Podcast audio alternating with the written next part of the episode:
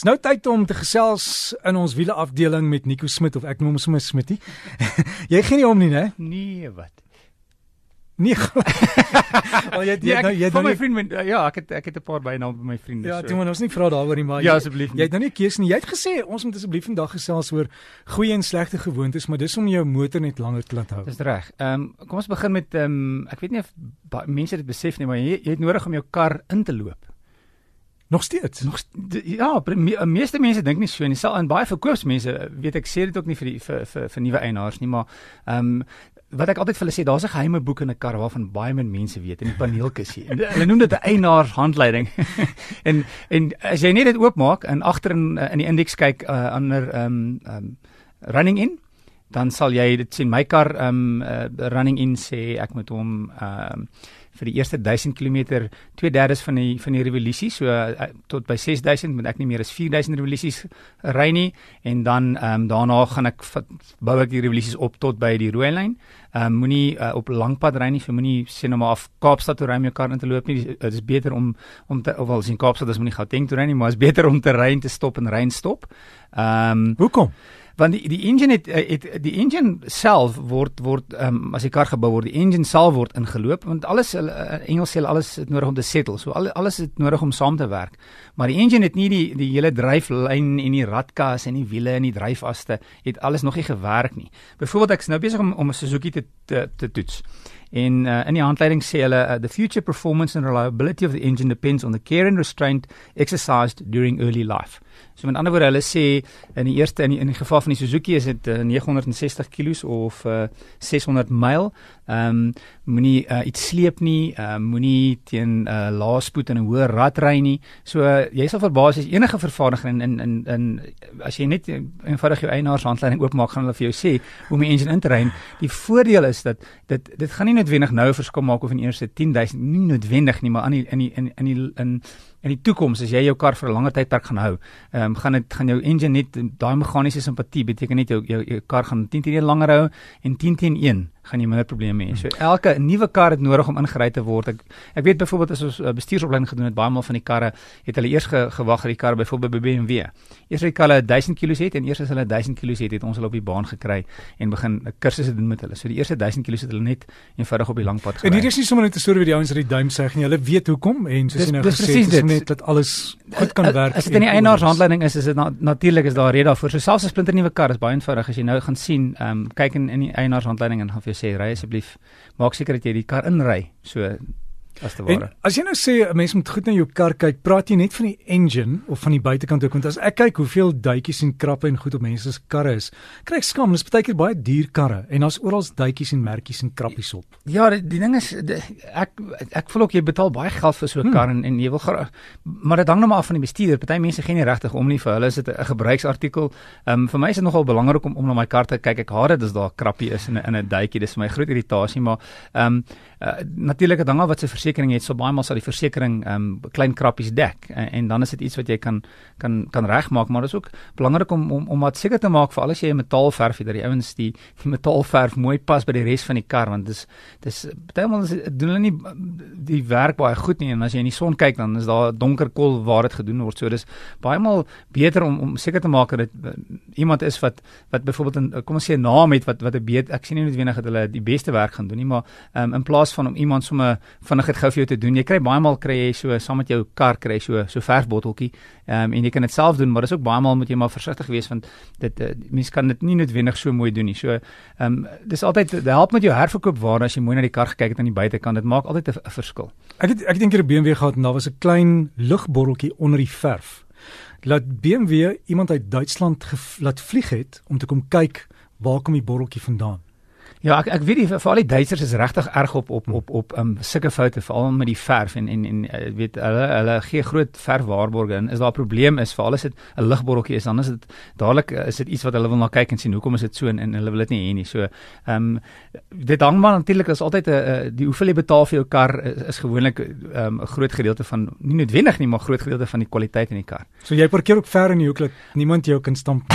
ja, baie maal is dit is nogal iets om te oorweeg. Mense maak hulle deure oop teen jou kar. So as die spasie baie klein is, sal ek eerder 'n bietjie verder loop. Ek weet ons Suid-Afrikaners is nogal lui. Ek is baie maal dieselfde. Is 'n winkelsentrum, is ons stop hierdie kant en dan gaan jy na die winkel toe en dan ry jy na die ander kant van die winkelsentrum en dan doen jy die inkopies nee, daar. Ek is nog nie daar nie. Nee, ek was daar. Ek, ek probeer nou meer loop, maar ek ek sien dit nogal baie. Iemand het eendag gesê as jy regtig mooi na jou kar kyk, veral buitekant en jy's baie by snelweë waar daar klein klippies is in jou kar, kan mens kar koop 'n silwer kar want die die, die merkies wys nie maklik nie. As jy swart kar koop, sien jy elke klein merk. Ja, dis waar. 'n 'n 'n donker kar is gewoonlik hulle lyk ook gewoonlik baie vinniger vuil. So daai merkies, jy sit almal reg is is makliker in 'n ligte kar of jy sien hulle minder as in 'n donker kar. Selfs 'n wit kar sal hulle miskien minder wys as as 'n as 'n baie donker blou of 'n baie donker swart. En dan wanneer dit kom by die kyk van jou kar, Ehm um, as jy 'n tweedehandse kar ook wil koop, moet jy altyd die boekie oop om te kyk of die kar al sy dienste gehad het. Ek ek dink dis die nommer 1 vir my. As ek 'n tweedehandse kar koop, is die eerste ding waarna ek kyk is is die diensrekord. Ehm um, en het die kar al sy dienste gehad? Ehm um, baie vervaardigers begin al elektronies raak. Met ander woorde, dit is nie jy het nie meer die boekie nodig nie. As jy nou 'n vervaardiger toe kan, baie maal kan hulle um, op hulle stelsels kyk en sê die kar het al die dienste gehad. En as 'n kar nie al die dienste gehad het nie, is dit sal ek 10 teen 1 wegstap uh, in plaas van die kar koop want ek weet nie hoe die eienaar na die kar gekyk het en sodra hy 'n diens gemis het, sê dit ook vir my hy het nie regtig soveel omgegee uh, oor die kar nie. En as jy nie as jy nie na jou kar kyk nie, dan gaan jy um, 10 teen 1 later probleme hê en hierdie ou het nie na die kar gekyk nie, maar jy's baie maal as jy ongelukkig die, die tweede eienaar is die ou wat wat sukkel met al die probleme. En van die ander dinge waarna ons moet kyk? Ehm um, jy nodig in, in die oggende baie mense dink jy het nodig as dit koud is om om die engine bietjie te laat leier dat die kar warm word. Uh, en dis ook een van die slegste goeders wat jy kan doen met 'n kar is om hom te laat leier uh, in die oggend vir sê met 3 minute en wag die engine warm word. En vergas jou bure, ja. Ja, ja, dis vergas jou bure en, en natuurlik is dit sleg vir die omgewing, maar dis ook nie baie goed vir jou engine nie.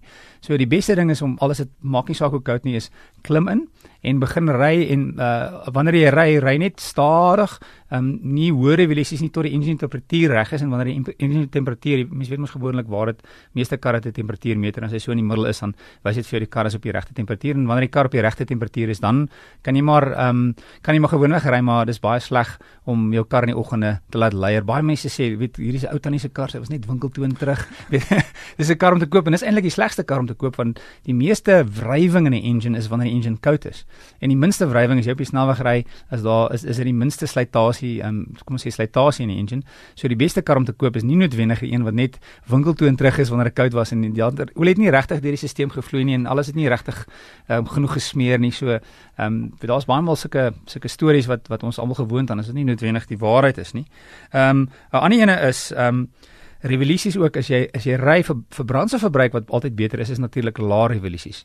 Maar wat's baie sleg is vir die vir die vir die radkas is wanneer die, in Engels sê as die engine labor, met ander woorde, kom as jy ry teen 'n bult op en jy's in derde rad en 'n revolusie is teen 1500 revolusies. So die engine werk redelik hard, is die meeste wrinkrag deur die stelsel. So dis byvoorbeeld altyd beter om om teen 'n bult op um, 'n uh, 'n lae rad te gaan so in plaas van derde, miskien tweede of in plaas van vierde, miskien derde en hoër revolusies te gebruik en dis dan er minder wrywing, minder slytasie op die hele dryfas en radkas in plaas van uh, 'n uh, lae rad teen 'n bultyd. En baie mense glo dat as jy 'n motor koop en jy gaan hom weer verkoop, is moenie baie met hom ry nie want jy moet die kilometers so laag as moontlik hou. Dit dit het 'n dit het 'n invloed wanneer hulle na jou inruilwaarde kyk. So wanneer jy 'n voertuig inruil, is dit nogal een van die eerste goeders waarna die, hulle kyk is is die kilos. Ehm um, en dan het hulle ehm um, gewoonlik gemiddeld is tussen 20 en 30000 kilos in in 'n jaar. Dit hang nou maar af waar in die omgewing. Ek weet in die Kaap sê hulle byvoorbeeld ons ry bietjie minder in Gauteng, ry ons bietjie meer, maar is gewoonlik tussen 20 en 30000 is is die gemiddelde kilos in 'n jaar jaar. Ehm um, so as jy nou na 40000 kg in 'n jaar toe gaan, gaan dit definitief jou inruilwaarde beïnvloed. So ek dis een ding verseker wat baie maal na kyk, hulle kyk na die jaar van die kar en dan kyk hulle na die kilos en dan is daar wat hulle noem 'n trade en 'n retail value. Met ander woorde, hoeveel die ehm uh, uh, trade is, hoeveel gaan hulle jou vir jou voertuig gee? en dan gaan hulle hom verkoop. So met ander woorde trade kom ons sê is 240 000 rand en retail is 270 000 rand. So met ander woorde daar's 'n boekie wat vir hulle dan sê ons gaan hom soveel by soveel koop en ons verkoop hom vir meer. So jy gaan gewoonlik daai ware kry of hang af dan van die toestand van die kar minder. Maar dis hoogs onderhandelbaar, né? Dis altyd baie onderhandelbaar en ek sal altyd sê as jy as jy as jy dit doen gaan gaan gaan na 'n paar na 'n paar motorhandelaars toe en nie noodwendig altyd uh, tevrede wees met die eerste prys nie en ek verseker onderhandel. Dis altyd 'n manier om om daarna te kyk. Nog een is 'n uh, turbo engines. Baie mense dink dit nodig. Ek onthou toe Isuzu uitgekom het met 280 ehm um, KB2 uit die ehm um, Isuzu bakkies het het hulle gesê wanneer jy stop is dit nodig om die engine te leier want daar was nie olie na die turbo toe nie. So die oor sodra die engine afskakel was daar nie meer meer smering vir die turbo nie. So vandag is dit nie meer nodig nie. Uh enige turbo kar ehm um, die word die karre word so gebou so wanneer jy ry en jy stop en jy skakel die engine af is daar nog die turbo spin teen 280 000 revolusies. So daar's nog steeds olie wat na die turbo toe gaan.